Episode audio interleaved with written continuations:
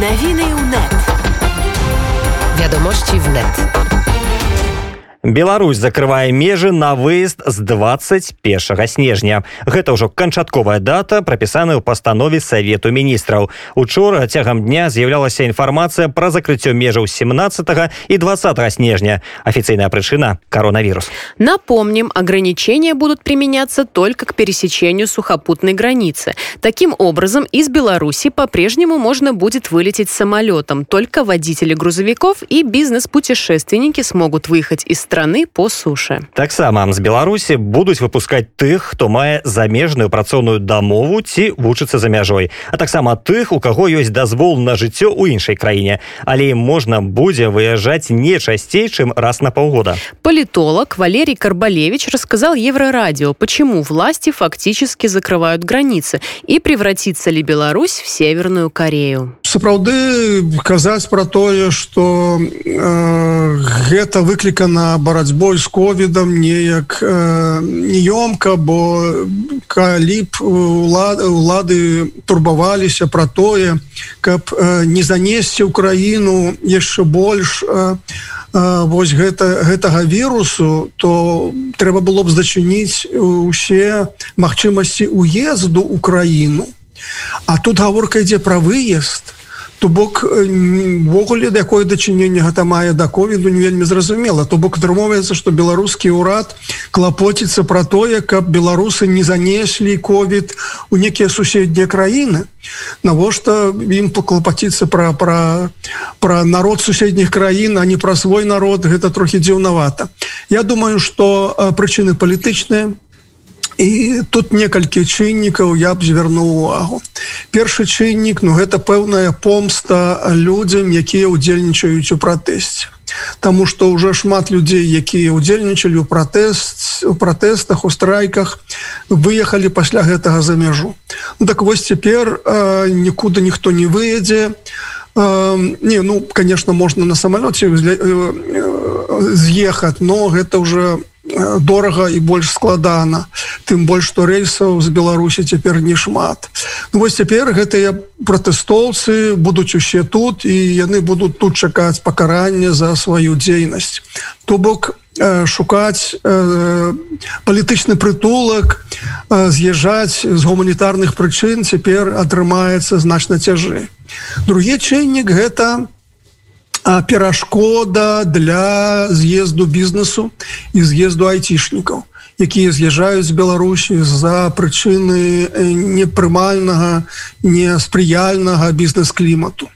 Ну і нарэшце третья прычына гэта чынавенства гэта прадстаўнікі номенклатуры і гэта прадстаўнікі сілавых структураў пэўная частка гэтых людзей пасля сыходу з, са службы з'ехала за мяжу Ну вось цяпер і ім так сказаць гэта будзе перапынена таму цяпер альбо сядзіш у аўтульных кабінетах альбо сядзіш у няўтульнай камеры і ніякіх іншых варыянтаў ужо для іх не застаецца Таму э, гэта спроба стварыць э, новы жалезны занавес жалезную заслону з беларусі наколькі яна удастся ну паглядзім На думку валерыя карбалевіча ўлады шукаюць усё новыя шляхі каб збіць пратэсныя настроі беларуся иностранцев не пустят в Беларусь без справки об отсутствии COVID-19 как сообщает белсад согласно постановлению совета министров иностранным гражданам старше 6 лет для въезда в Беларусь необходимо иметь справку об отсутствии COVID-19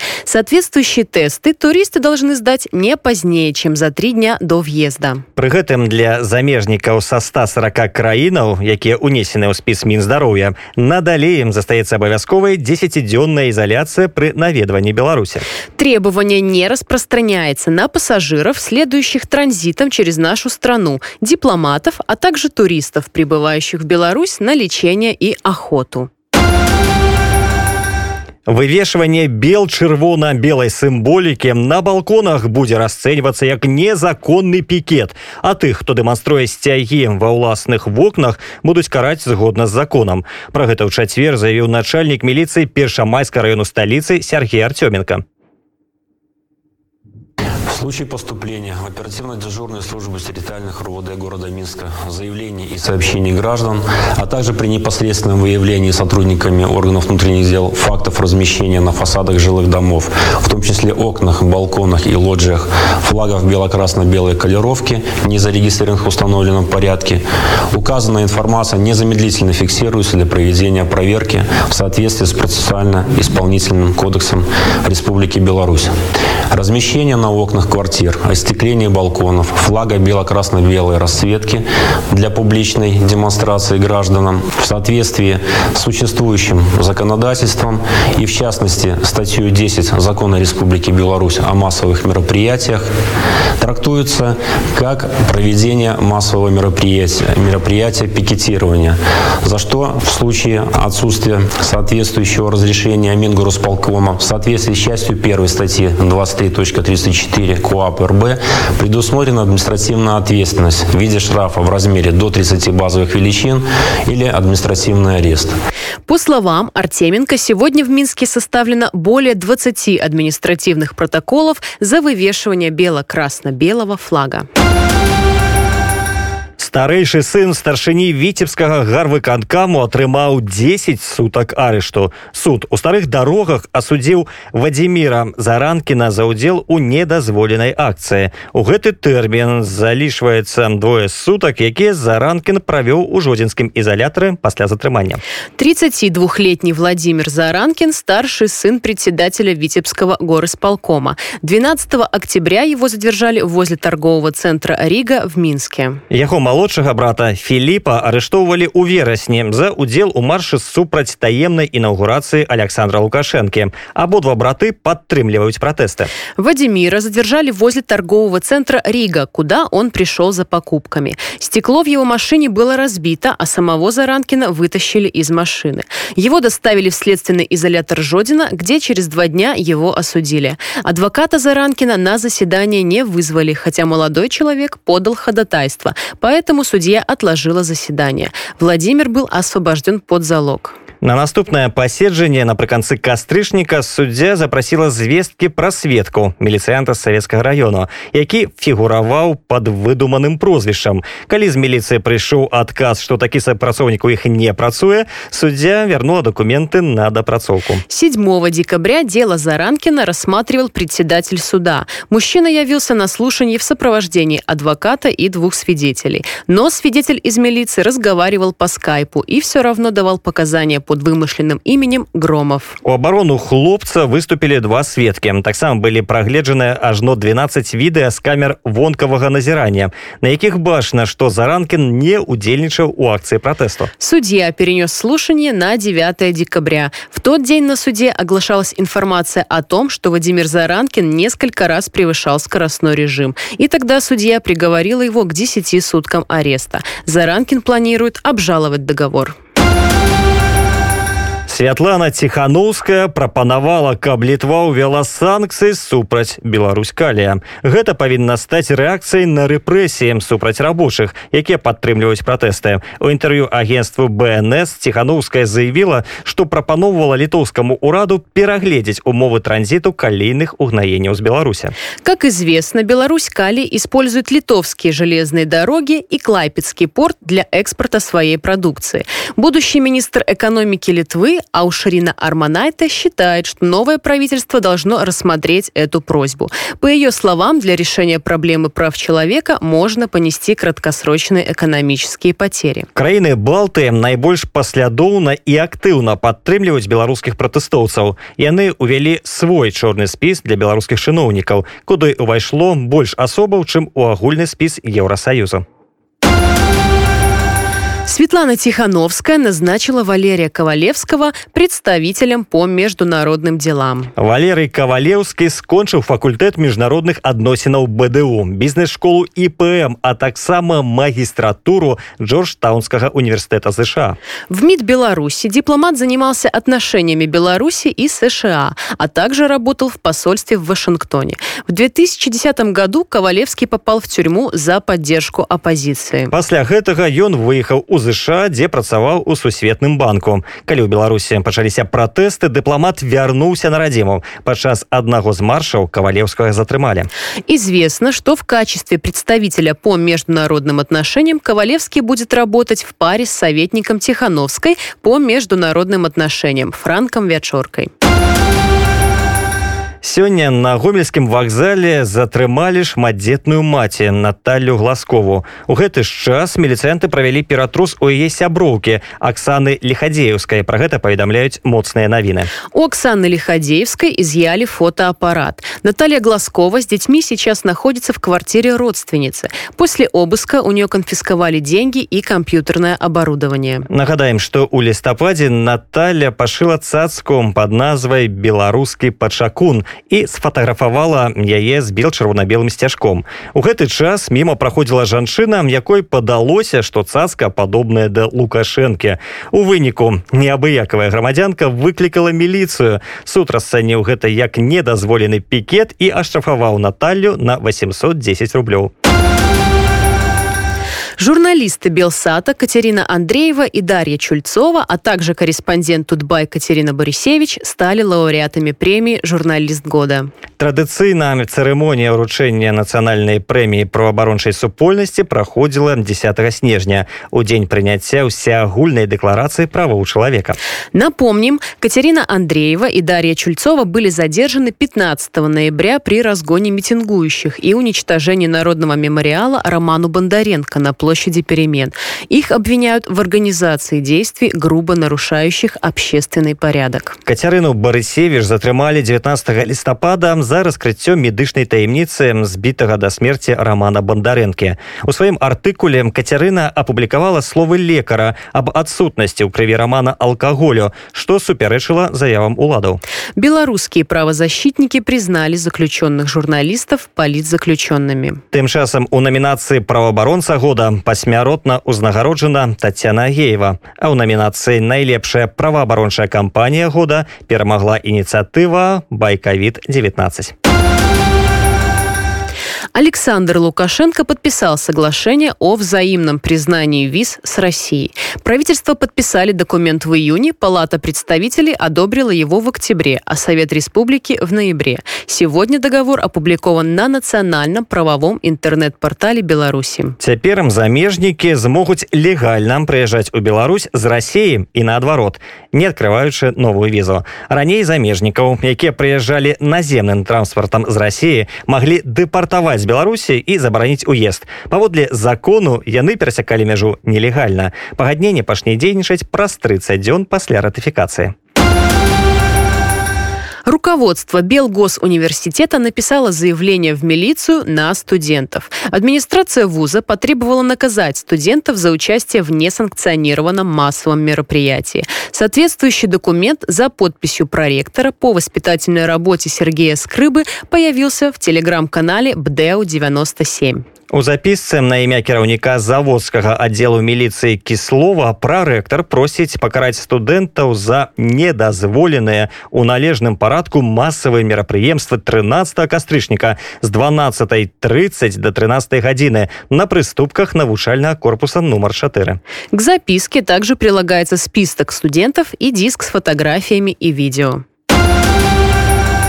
Нацыянальны банк загадаў разблакаваць рахункі тым, хто атрымаў грошы от фонду BuyHelp. Напомним, в ноябре у белорусов, получающих финансовую помощь от фонда BuyHelp, заблокировали карты. При этом деньги в размере полученной от фонда помощи были заморожены на их счетах. Если денег на счету не хватало, баланс карты уходил в минус. В результате этого ареста некоторые люди не могли получать пенсии и пособия, потому что они были списаны на счет ранее полученной выплаты от BuyHelp.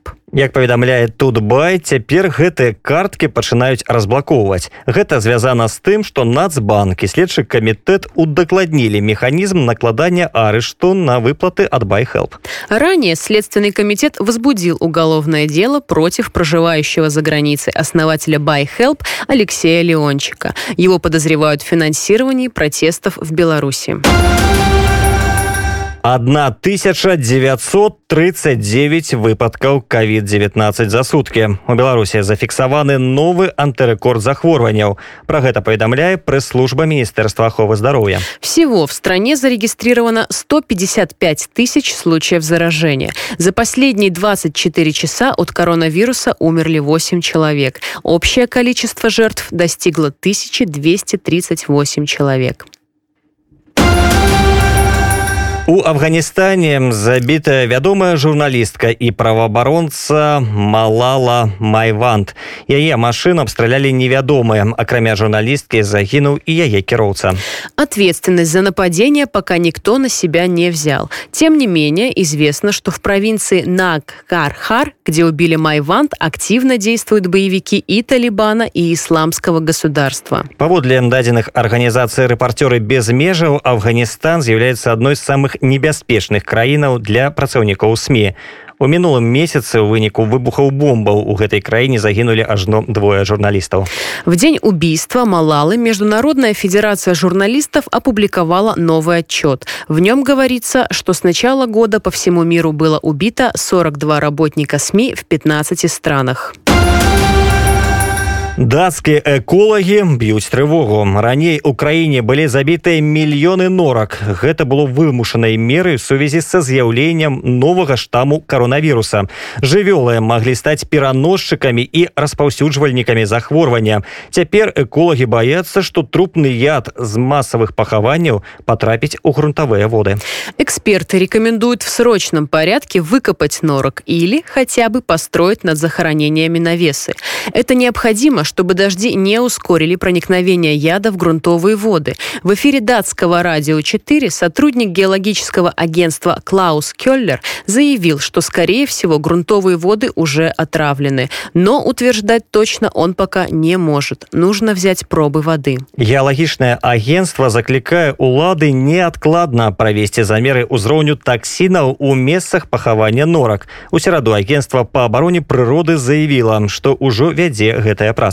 Решение усыпить почти 17 миллионов зверьков в Дании было принято из опасения, что животные могут заражать человека мутировавшим штаммом коронавируса. Это решение возмутило общественность и представителей датской оппозиции. Также оно вынудило уйти в отставку министра сельского хозяйства Могенса Йенсена, который все же признал, что решение правительства было юридически необоснованным. Гэтая гісторыя зноў узняла пытанне пра далейшае існаванне футравых фермаў. Раней у Даніі ўжо прапаноўвалася ўвесці з 2022 года мараторыі на развядзенне норак да іншай футравай жывёлы. Разгляд быў адкладзены праз рызыку і кампенсацыі фермерам. У выпадку ліквідацыі гэтай галіны каля 6 тысяч рабочых месцаў у Даніі апынуцца под пагрозай ліквідацыі. В свою очередь, защитники живой природы видят в пандемии коронавируса прекрасный повод навсегда покончить с меховой индустрией.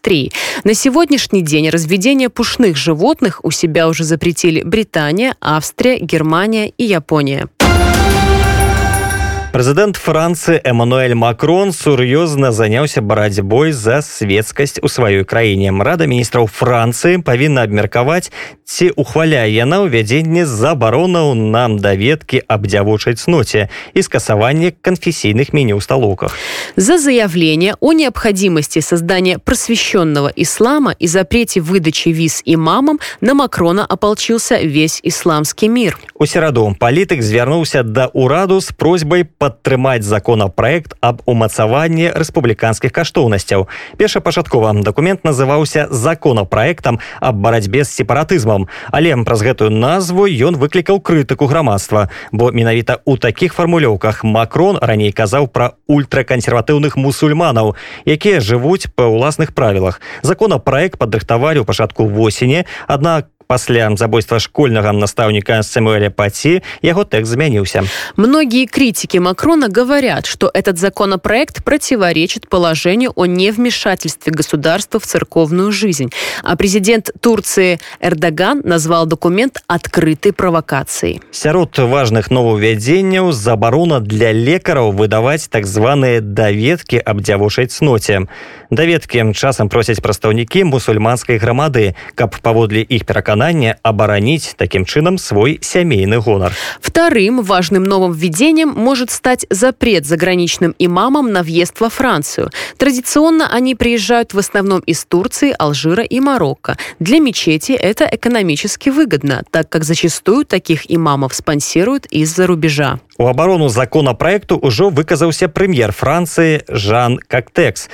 Ён заявіў, што гэты дакумент не пасягае на свабоду веравызнання, а накіраваны супраць гнюснай, паводле яго словаў ідэалогіі радыкальнага ісламізму. В Берлине заканчиваются здания кабинок и прочей инфраструктуры для массовой вакцинации. Помимо Берлина, приготовления заканчиваются в десятках других городов Германии. Вакцинация павінна стартаваць ужо ў студзені.